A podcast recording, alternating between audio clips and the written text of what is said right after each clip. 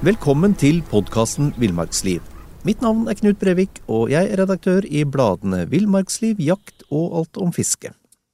Eh, Jeg har vært redaktør tidligere, Knut, og heter Dag Kjelsås. Ja, og i dag skal vi snakke om elvekryssing, Dag. Det, Ja. det høres Det høres jo veldig, veldig sært ut, men det er et ganske stort område. Jeg ser du skjelver så fælt, Knut, men, eh, så jeg skjønner at det her er farlige greier. Men ja, husker du hva vi gjorde i Knut for eh, I Knut, sier jeg, i fjor, eh, da vi var på elgjakt? Ja, noe av det. Altså, jeg husker vi gikk dagevis, faktisk ukevis, uten å se noe elg. Det er ja, det jeg ja, husker men tydeligst. nå tydeligst. snakk, skal vi snakke om elver. ja, nei. Hus, jo da, det husker du. Å ja, du tenker på du tenker, Vi lagde en sånn Vi lagde en sånn Ei bru. Det gjorde vi. Og det var faktisk ganske artig, fordi vi, vi fikk ros av jaktlaget etterpå, husker du det òg? Ja, det er sant. Det gjorde vi. Um, og den, den brua, den tror jeg sparte oss for en del våte opplevelser. Den sparte oss for mange kryssinger eh, under eh, tvilsom vannstand som eh, innimellom gikk over støvla, Ja, ja. og dessuten så var det ganske glatt på bånden i den bekken. Ja. Men eh, hvis vi begynner eh, Husker du hva vi gjorde? Altså, jeg eh, Bare for å forklare det for de som lytter på Dag, så vi har jo en slags arbeidsdeling hvor jeg, siden jeg er svært teknisk lite begava, stort sett får grovjobben, så gjør Ja. du det tekniske. Ja, altså maskiner og motorsag, som vi også brukte her, det må du holde deg langt, langt unna. Motorsag får ikke jeg lov å bruke. Nei, det er, men du er sterk. Derfor så ble Ja. du i den sammenhengen her brukt til å bære og løfte. Jeg hjalp til, jeg òg. Eh, fordi eh, under planlegging av ei sånn bru, så må du tenke først hvor langt er det over her? Eh, vi fant et sted hvor elva gikk eh, forholdsvis smal. Ja. Eh, så hogg vi ned eh, etter godkjenning fra grunneier Ja. hogg vi ned eh, enten graner som ikke hadde nytte som uh, seinere tømmer, eller eh, vi tok noe som var halvtørt, Mm. Ja. eller vindfall. Eh, og vi la på hver side et par stokker på ca. en meter som vi støtta opp med stein, Mm, og du bar selvfølgelig de tunge steina. takk, Dag. Eh, og husker du mer? Jeg husker også at vi lagde et, eh, et slags rekkverk. Et eh, enkelt improvisert rekkverk. Ja, og det fikk vi også ros for, for det å balansere om det så er flere stokker når du går med bikkje og børse og sekk og sånn, det Ja. kan være vanskelig, men, men før det så hadde vi altså lagd noe å gå på, da, som lå oppå de tverrstokkene. Ja, ja, ja. Mm. Eh, og det var vel, jeg tror det var fire eller fem stokker, minimum ti centimeter. Ja. Som, som vi da, og vi hadde med oss eh, I dag er det så fint å ha med batteridrill, så Ja, ja. vi drilla ned solide skruer i disse tverrstokkene som vi hadde lagd der. Every fan knows the right player in the right position can be a game changer. Put LifeLock between your identity and identity thieves to monitor and alert you to threats you could miss. Plus, with a US-based restoration specialist on your team, you won't have to face drained accounts, fraudulent loans, or other losses from identity theft alone. All backed by the LifeLock Million Dollar Protection Package. Change the game on identity theft. Save up to 25% your first year at LifeLock.com slash aware. Ja. Så eh, kort fortalt, vi fikk deg veldig bra bru, og det er altså en mulighet hvis du skal krysse flere ganger, men ellers så er det jo veldig mange klopper og, og bruer rundt omkring, hvis han er orientert om terreng og, og kart og er kjent. Ja, ja. Nei, men ak akkurat der så var det i- på, det, på den eh, i, i fjor høst på elgjakta, så var det jo kjempepraktisk. Altså, du ville, vi ville jo måtte gå i kilometervis opp eller ned langs den elva for å komme tørrskodd over, hvis vi ikke hadde hatt den, eh, den brua Ja. I hvert fall etter de dagene det regna skikkelig. Mm, mhm. Men ok, ehm, det er jo, var jo en, om ikke permanent sånn installasjon, så var jo det litt, det var jo litt arbeidsomt, da. Ehm, Jo, men den permanent, sier du. Den sto litt høyere enn der vi regner med at flommen gikk. Ja, ja. Sånn at jeg tror den kommer til å være nyttig i flere år. Mm, mm. Men hvis man ehm, Vi skal jo snakke nå om elvekryssinger, og, og hvis man ikke har ei, ei bru, da, å komme seg over på, så så er det en del ting man må tenke på. Um, og fordi det det å, krysse elver, litt avhengig av hvor, hvor, store de er, og når på året det er, og så videre, det, det, er jo ikke helt, det er jo ikke helt risikofritt. Nei, det er jo særlig på, på våren, under vårløsninga, og på forsommeren når det er mye vann på grunn av snøsmelting. Og også på høsten etter eh, hvor det ofte kommer noe skikkelig regnskyll. Mm. Så kan eh, selv vanligvis små bekker kan jo være veldig tøffe å krysse. Mm, mm. Og så er det et eller annet med det, ja, spesielt hvis, som du sier, hvis det er i vårløsninga eller på forsommeren, eh, eller, eller seint på høsten, da, som, som, jeg har mest erfaring med, om å vade elver, um, så, så, kroppen reagerer eh, veldig momentant på iskaldt vann. Og det er litt sånn pussig, fordi fra å være at man er ganske myk i kroppen og føler seg, føler seg sterk, så når du har vært eh, noen minutter i iskaldt vann, så blir du helt Du mister, mister motorikken og mister følelsen og mister egentlig grepet om mye. Ja, jeg, jeg syns ikke det er så rart, jeg, men Nei. det er i og for seg ikke så rart. Nei, men fakta er det at uh, du skal altså jeg, En gang jeg ramla ned ei elv uh, som jeg skulle krysse på, på Ja, det var snøføre og is og sånn. Ja. Så hadde jeg ikke mer enn ja, et kvarter hjem. Og da med samme jeg datt nede der, så tenkte jeg at dette er så kaldt at hvis ikke jeg løper alt jeg orker nå, så mister jeg følelsen i beina og, muligheten for å komme meg fram omtrent. Så jeg løp alt jeg kunne, og da jeg kom hjem, så var beina mine nesten helt hvite. Ja. Rett i badekaret med lunkent vann og, og få tilbake varmen. Ja. og hvis det... du da er på tur, på jakt videre, da har du et kjempeproblem hvis du ikke får opp et bål litt fort. Så akkurat nå skal vi ikke, skal vi ikke male fanden på veggen, men vi, vi, tar den med en gang. Akkurat det der med, med, med kaldt vann er skummelt. Og, og hypotermi, hvis du, hvis du opp eh, Eller ja, hvis du, hvis du er for lang tid i, i elva eller, eller, kaldt vann, så kommer det veldig raskt, altså. Og når det kommer, da, ja, som vi har vært inne på, da, da mister du raskt kontrollen. Ja, ja, ja. Så, så konklusjonen er den at vi må vurdere risikoen ved å krysse Eh, det er noen ganger det, uansett eh, hvor viktig det er for deg å komme over, så er det ikke verdt livet. Nei.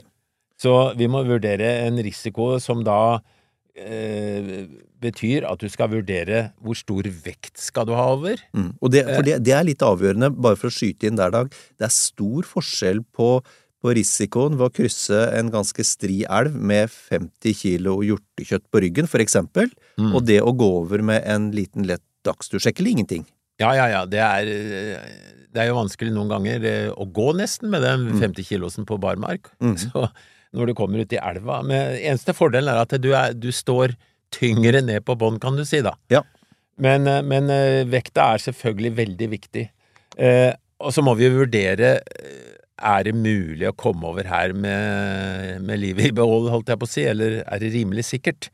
Og det er jo hvor bredt er det? Altså Hvis det er veldig kaldt og det er kjempebrei elv, så veit vi at vi får den nedkjølinga vi snakka om, og du er i dårligere forfatning når du kanskje er kommet til midten mm, av elva, og da er, da er, du der, liksom. Mm. Eh, så må du selvfølgelig vurdere hvor dypt det er. Mm, mm. For eh, når, når, du liksom Du kjenner den følelsen når du suger inn lufta og, og kjenner at det er kaldt opp til navlen, og så Plutselig så er du våt helt oppunder arma, kanskje, og da kan det være for seint å angre når du først står uti der. Mm, mm. Det er jo én ting, og så må du se hvor sterk strømmen er. Mm. Eh, er det mulig rett og slett å kjempe mot for å komme over, eller er det stor fare for å bli tatt av strømmen? Mm, mm. Og så er det et eller annet med Vi, vi må snakke litt om, om djuprenner og Dag. Ja, de, ja. Har jo, de, Har jo, eh, en tendens til å være i, gjerne i, i svinger og på siden av elvene. Ja, elva er jo eh, veldig varierende ofte i dybde, og eh, i svingene så suger det mye mer der det er løsmasser, og, og på, i yttersvingen så kan du, kan du, plutselig si at det har gravd seg ned. Mm. Du må vurdere alt dette her. Du kan for eksempel bruke en lang pinne og hvis det er møkkete elv, for eksempel, mm. og stikke nedi og, og, og, sjekke hvor dypt det er. Og så må du også se om det er myk bånd der du skal gå over, for eh, om det er en halvmeter dypt, og du synker en halvmeter i tillegg, så har du én meter til sammen, da. Mm, mm. Og det, det, ekstra morsomme er jo hvis du da står der og støvla er sugefast og bare drar seg nedover. Eh, nå er det ikke kvikksand akkurat i norske elver vanligvis, men det kan være gørr og gjørme som gjør at du faktisk er lost. Mm, mm. Og så må vi jo, vi har vært litt inne på det sånn innledningsvis, men, det, men vi må jo vi må også vurdere temperaturen da, i elva. Det er som, som vi, som vi starta samtalen med, det er stor forskjell på det å, det, på det å, å krysse ei elv i sånn behagelig augusttemperatur kontra mai eller november. Du husker kanskje den uh, filmen med Lars Monsen, da han var, jeg tror det var uh, på tvers? Ja, stemmer det. Mm. Han, han, var jo uti skikkelig problemer med, fordi han måtte hente ei bikkje som ikke ville over, og da hadde han allerede kryssa, så måtte han gå tilbake og hente den bikkja. Og eh, på den filmen så ser du altså han, han skjelver og det fråder om munnen, han er nesten ikke i stand til å prate, og sliter veldig for å få tent opp et bål. Mm, mm. Ja.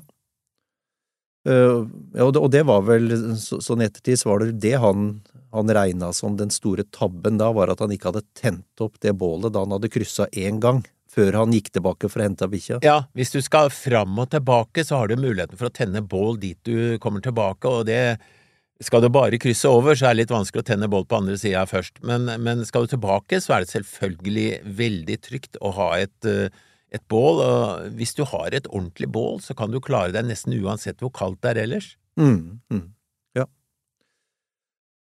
Og, og, så har vi vi må, jo, vi må jo snakke litt om Nå har vi snakka litt om risikovurdering, også, eh, og, og, da tenker jeg vi må snakke litt om det som kan skje òg, fordi i forlengelsen av, eh, av det her med, med, nedkjøling, eller hvis du mister litt eh, følelse i beina og motorikk, så er jo muligheten til stede for, for rett og slett å falle. Uh, og du trenger jo ikke mange centimeter for at det skal være fatalt. Nei, Det, det, det fins altså folk som har drukna liksom på 20 cm dypt vann, men, men, da har du selvfølgelig glidd eller, eller ramla og slått huet i en stein og kanskje blitt bevisstløs. Ja. Så bare du har nesa under vann, så kan du drukne sjøl om bakhuet er tørt, altså. Mm. Så Um, og, og, da har vi jo det der problemet som fins mange steder, dessverre, det er at det er grønske, altså alger, på steiner, for eksempel. Og du skal hoppe fra stein til stein, og så, og så skyller vannet litt over så det er vått. Så tenker du ikke over at det er jo som speilglassblank is. Mm, mm. Du går rett på ryggen og, og, kan ramle bakover og slå huet i en stein, og da, da er det virkelig et problem, altså.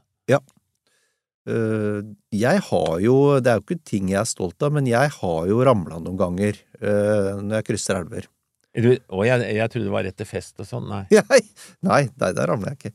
Um, og, og, det er Folk undervurderer uh, egentlig hvor glatt og sleipt det er i elva, og det det, det, jeg har eh, gjort ved to anledninger, som jeg aldri kommer til å gjenta, det er å krysse barbeint, fordi jeg ønsker at jaktstøvla eller fjellstøvla skal være tørre resten av dagen, så ja. dem tar jeg og knyter, knyter, over skuldra, mm. henger over nakken.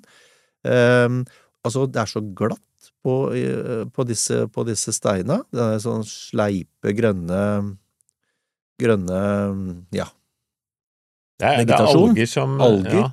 Eh, at det er, det er, som et det er, så, det er såpeglatt. Og i tillegg så vil du alltid, det er en sånn gyllen regel, du vil alltid finne noen spisse steiner som du mm. trår på når du har barbeint, og da tar du gjerne et steg ekstra, um, eller en sånn litt sånn ukontrollert bevegelse.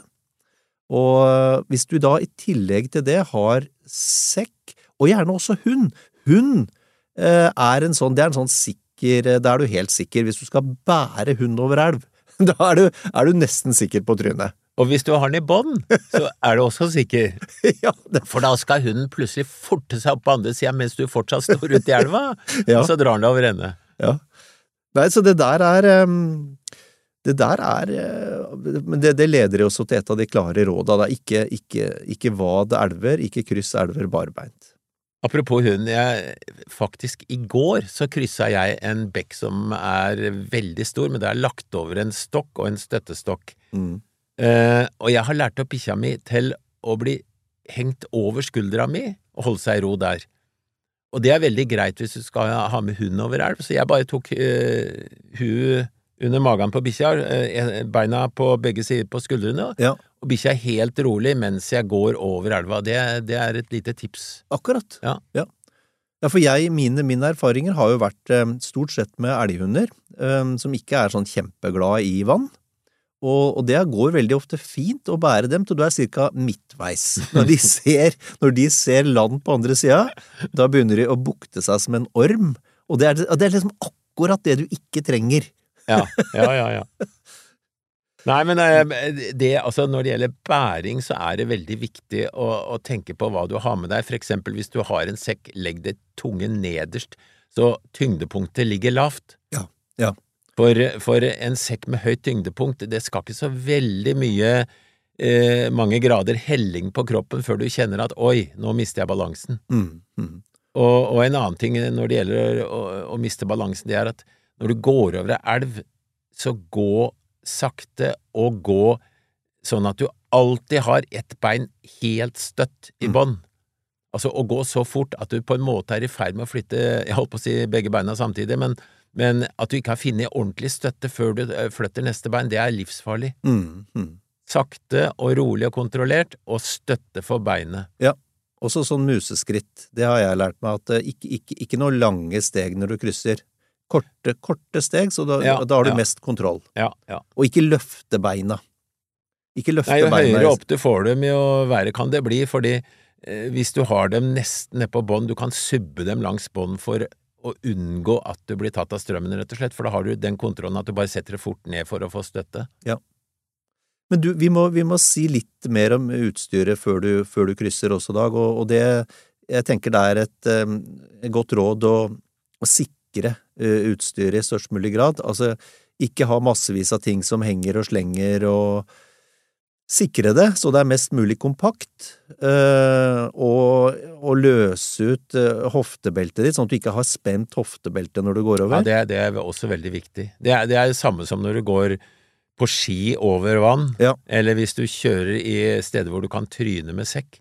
Altså, hvis det er bindefast på deg, så kan du risikere å bli drept på grunn av det. Og også, eh, jeg eh, Og der har jeg prøvd begge deler. Jeg har, jeg ramla med, med børse, øh, og det er også en Jeg liker ikke å ha børsa på skrått over ryggen. Jeg liker å ha den Jeg liker faktisk å ha den på én skulder. Jeg, fordi hvis du går med, med, med sekk, og i tillegg har våpen liggende på skrått over ryggen, um, så blir det Du blir veldig låst, altså. Du blir ja. veldig låst. Ja. Så jeg liker å ha børsa hengende, sånn at hvis så galt skulle være at jeg tryner, så, så kan jeg frigjøre, frigjøre meg fra den også. Mm, mm. Ja, absolutt. Um, Ja, du var jo inne på pakking, Knut. Ja. Og vanntett pakking av reserveklær. Eh, Jeg pleier alltid å ha med meg langt ull undertøy, også om sommeren hvis det ikke er sånne lave østlandsturer. Ja. Eh, Og det skal være vanntett, altså. mm, mm, For eh, blir du blaut, så kjøles du utrolig raskt ned, særlig i vind og hvis det er kaldt. Ja. Har du noe tørt, så kan du Altså, i noen tilfeller så kan du gjøre som en kompis av meg. Tørt innerst, og alt det andre var vått. Da tok han regntøyet utapå, eh, undertøyet, og så tok han de andre klærne utapå der, for de var våte. mm, Men da har du det tørre innerst mot kroppen, og det betyr veldig mye. Og, og selvfølgelig likeledes hvis du har eh, andre ting som, som du må beskytte fra, fra kulda, som ja, fyrstikker, mobiltelefon, ting som ikke tåler vann, eh, må sikre det. Fordi, og, og igjen, det, det er alltid litt sånn greit å Det er faktisk greit å være litt sånn verstefallstenker av og til, og tenk hva, at hvis du tryner, så blir alt gjennombløtt, Mm. Uh, og da må du, må du ha gjort den, eh, du må ha gjort den forberedelsen i forkant. Um, og så har vi vært inne på det her med ikke gå barbeint eh, dag, uh, hvis det ikke er fin, fin sandbunn da, om sommeren og så videre. Men, men, men hvis vi ikke skal gå barbeint, hva, hva, for- hvordan foretrekker du å gå over? Det går an å gå med tettsittende sokker, fordi de suger seg veldig godt fast i, i glatte partier og gir, eh, gjør det mer behagelig. Men ellers så kan du ha et par lette joggesko, for eksempel, som du også bruker i leiren når du camper etterpå. Mm. Eh, Jeg har faktisk brukt en del crocs. Ja, Fordi de er, er så lette. utrolig lette. Ja. Og de er jo myke, så de og, kjø- og, og litt tjukke såler som, som gjør at du kan gå mot skarpe steiner uten at det er problemer. Mm, mm. Så det er faktisk en ganske fin løsning hvis du går inn for å ha lett pakning. Ja. Nå skal vi også nevne det at hvis det er forholdsvis kort over bekk eller elv, så kan vi også kaste over telt, soveposer, eh, ja, en del utstyr, men da må vi vite for det første at vi skal over til andre sida, da. Mm, mm. Og så må vi være sikre på at vi klarer å kaste helt over. Ja, ja, for det er jo dumt å stå og kaste utstyr i elva. Ja, syns du det? ja. Nei, men, men det er faktisk noe jeg har gjort enkelte ganger, da. Ja. For det, det er klart, da letter du den derre børa, og du får bedre bevegelighet når du er, har lettere sekk. Ok, men da, da har vi snakka, litt om, om risikoer, vi har snakka litt om hva du skal vurdere sånn i forhold til eh, ja, bredde på elva og strøm, strømstyrke og, og sånne ting. Temperatur, selvfølgelig. Um, vi må også snakke litt om hvor vi skal krysse, Dag. Ja, eh, det å krysse med en gang du kommer fram til elv, hvis det ikke går stier og sånt, eh, som tydeligvis eh, kommer på et sted hvor det er en fin elvekryssing, da. Mm. Det å krysse uten videre, eh, hvis det er sånn på kanten, det er selvfølgelig ikke lurt, fordi at ei elv vil nesten alltid ha noen steder hvor hun går brei og er litt sakterennende, og hvor det er grunner jevnt over. Ja. Så å leie, bruke tid på å leite etter sånne krysningspunkter, det, det lønner seg jo absolutt. Og det er jo steder hvor det er farlig å krysse rett overfor en foss, for eksempel. Ja, ja. Og så går eh, Ja, det verste tilfellet jeg kjenner til, det var eh, der jeg bor, var det en som skulle bade og rett på øver seg en foss, og ble tatt av strømmen, og han døde faktisk. Han ble slått i hjel etter hvert. Ja. Eh, han eh, traff noen steiner, og, og så, tok, eh, så drukna han. Ja. Og, og, og det kan skje hvis det er ja, utrygge partier, så du må jo passe på å holde unna de, da. Mm. Ja, for den, den klassiske det, er sånn, det kjenner jeg på meg sjøl, i hvert fall. Der du kommer fram til elva, så har du veldig lyst til å rett over og videre. Uh, og så er du utålmodig. Og så går du 100 meter opp og 100 meter ned, og så finner du det som er minst dårlig egna plassen på de 200 metera du har vært over. Istedenfor å ta deg den tida det tar, da, å gå en, om det så er en kilometer oppover elva for å finne en trygg, et trygt sted å passere. Det kan bli nødvendig, faktisk, med den kilometeren du snakker om. Mm, mm. Så leite etter gode plasser. Eh, jeg nevnte at jeg var ute og kryssa i går. Da fant jeg et sted hvor det lå ei, et nedfallstre over den breie bekken. Ja. Eh, og hvor jeg da klarte å, å støtte, holde fast i litt granbar som, fra ei gran som lente seg utover. Hvis du finner sånne plasser, for eksempel, så Mm. kan du klare å komme over veldig enkelt og greit. Mm, mm. Men, men vurdere i alle fall hvor du krysser. Det er, det er viktig. Ja. Um, ja. Og så har vi jeg tenker når du har funnet, den plassen, du har, du har vurdert risiko, du har funnet den riktige plassen, du har sikra utstyret ditt, ehm, da er det vel eh, greit som en hovedregel at vi alltid krysser elva på skrått oppover, altså mot, skrått mot strømmen. Altså, hvis du ikke klarer å, å gå rett over eller mot strømmen, så er det for hard strøm der. Det er nå punkt én. Ja. Men, men eh, det som eh, er like viktig, er at du ikke går eh, skal vi si rett over vinkelrett med beina, at du, holder foten oppover på en måte og går med, skal vi si, kroppen mot strømmen, da. Ja. For da, da får, får strømmen mindre tak i deg, rett og slett. Ja. Eh, støvle, bare se på støvla dine, det, er mest fang i dem når de er sideveis i forhold til om de er rett mot strømmen. Og så har det noe med balansen å gjøre, altså du har Ja. bedre balanse når du går skrått oppover mot strømmen enn om du er eksponert sideveis Abso- for all strøm. absolutt, absolutt. Eh, og da er, jo, da er det jo viktig at du også bruker noe som vi ikke har nevnt, som er livsviktig nesten hvis du skal krysse, nemlig å bruke en vadestav. Ja, for da er vi over på, på hjelpemidler under elvekryssing, og, og der, eh, der er jo vadestaven, eller en stav bare, eh, selvfølgelig aller helst en vadestav som er litt tung, men, eh, men, men et eller annet å støtte deg på. En kjepp. Og den, den sjekker du før du går ut i elva, så han ikke ryker tvers av midt uti der. Altså en sånn Ja. råtakjepp, det er ikke greia. Spikk deg gjerne av lauvtre. En, en stav som er Han bør være like høy som deg sjøl, tenker jeg. Ja. Og så må den ikke være for myk. Eh, og da har du altså megahjelp, og du kan gjerne lage to, så har én i hver hånd hvis hendene ellers er fri. Ja. Og det er altså, det er altså en himmelvid forskjell på å krysse elv med, med et eller annet å støtte deg til, Mm. kontra ikke gjøre det. Eh, jeg var på, på laksefiske en gang i Orkela, og så ble jeg tatt av strømmen. Ja. Og jeg fløyt nedover og var ganske hjelpeløs. Da, da hadde jeg tohåndsstang, og den er jo ganske kraftig og stiv. Da bare satte jeg den rett og slett ned mot bånn, og brukte den som, eh, ja, skal vi si, litt sånn åre og litt sånn støtte innover, til jeg brukte den som vadestav på slutten. Ja.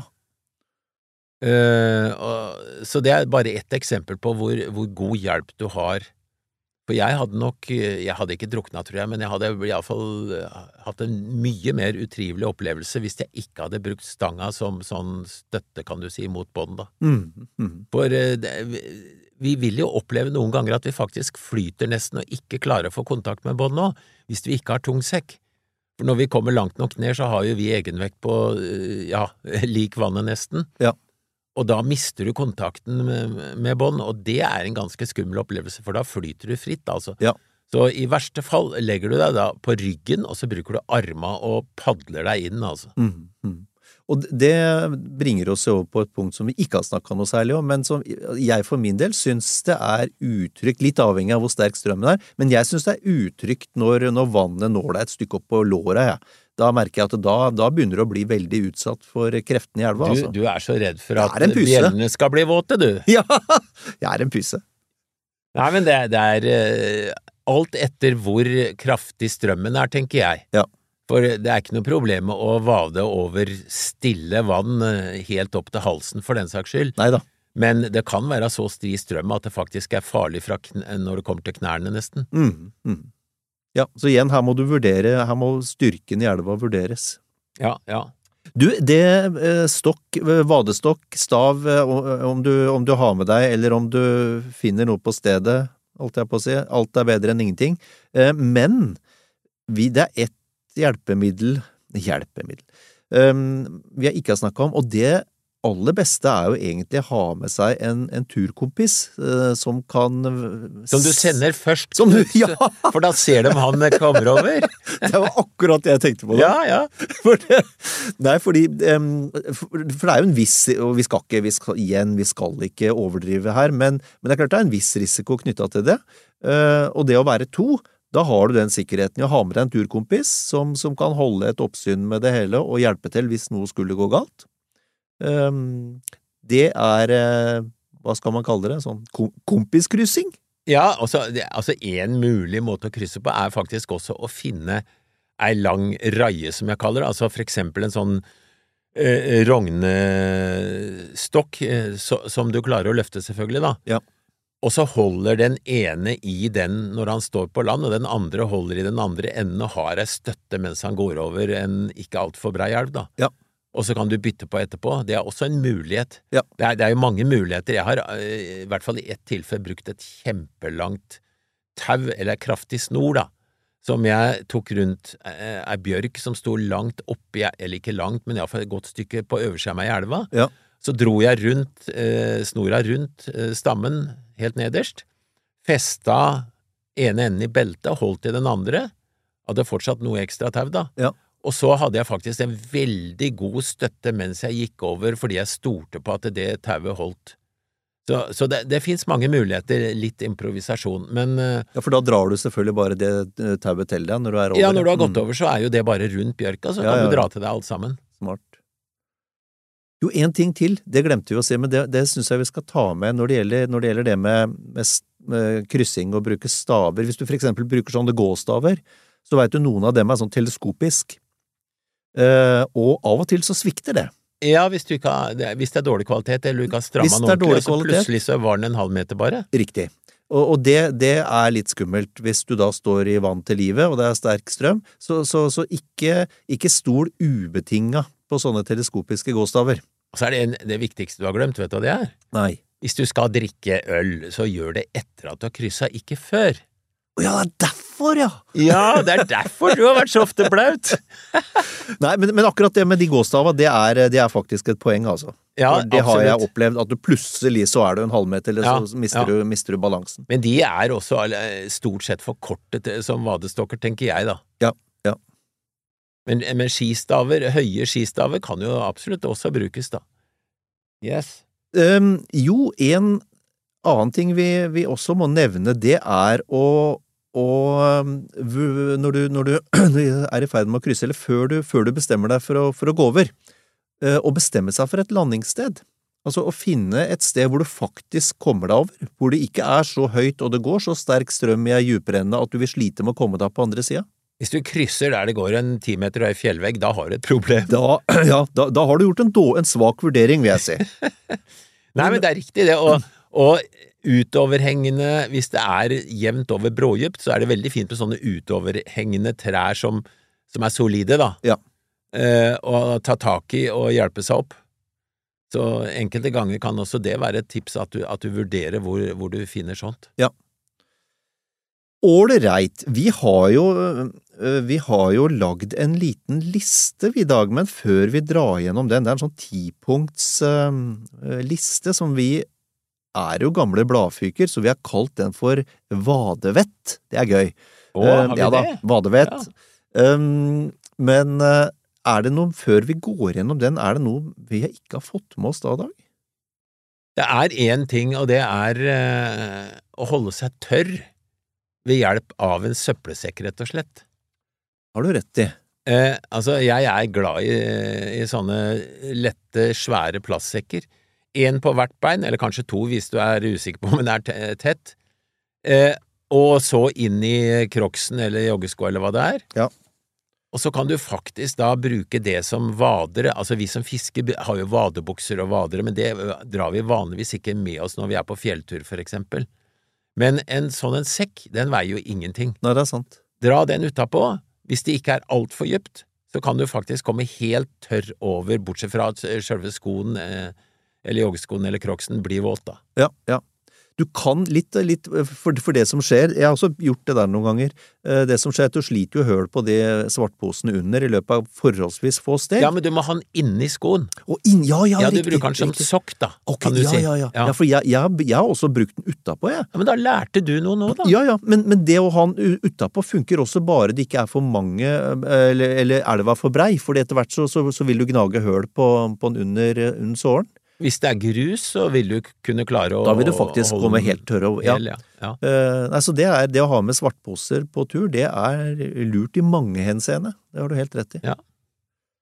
Men du hadde de derre punktene du Ja snakka om? ja. Vadevettregler. Dette, dette her kommer jo helt sikkert til å bli eh, helt eh, en sånn klassiker på linje med fjellvettreglene. Vadevettreglene. Tenk på alle de som nå har hørt det vi har sagt. De kan jo angre, for nå får du alt konsentrert. Ja, det, det gjør de. Så de kan jo råde de andre til bare å se slutten, Ja. eller høre slutten.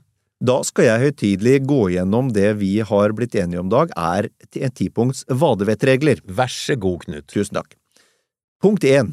Vurder risiko basert på vanndybde, strøm og temperatur. Ikke undervurder kaldt vann. 2. Finn et bredt, rolig parti av elva å krysse. 3. Sikre sekken, pakk ned tøy, telefon, fyrstikker og annet i vanntette pakninger. 4.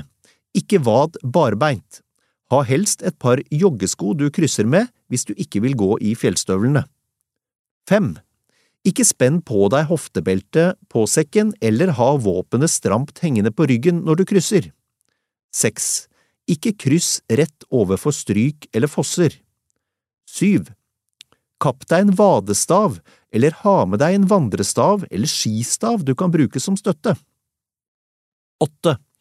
Vær helst to sammen når dere vader, da kan én være i beredskap. 9. Gå skrått mot strømmen, gå sakte og med korte steg, føl deg fram. Og 10. Se deg ut en landingsplass på andre siden av elva før du begynner å vade. Det syns jeg var veldig godt lest, Knut. Det, det var nesten vakkert. Det var Ja, så vemodig. Vil du ta det en gang til? Nei, det gjør jeg ikke. Vet du, jeg, jeg tror vi sier at det er det for, eh, med, med elvekryssing i dag. Det gjør vi. Så får vi bare si god vadetur. Det gjør vi.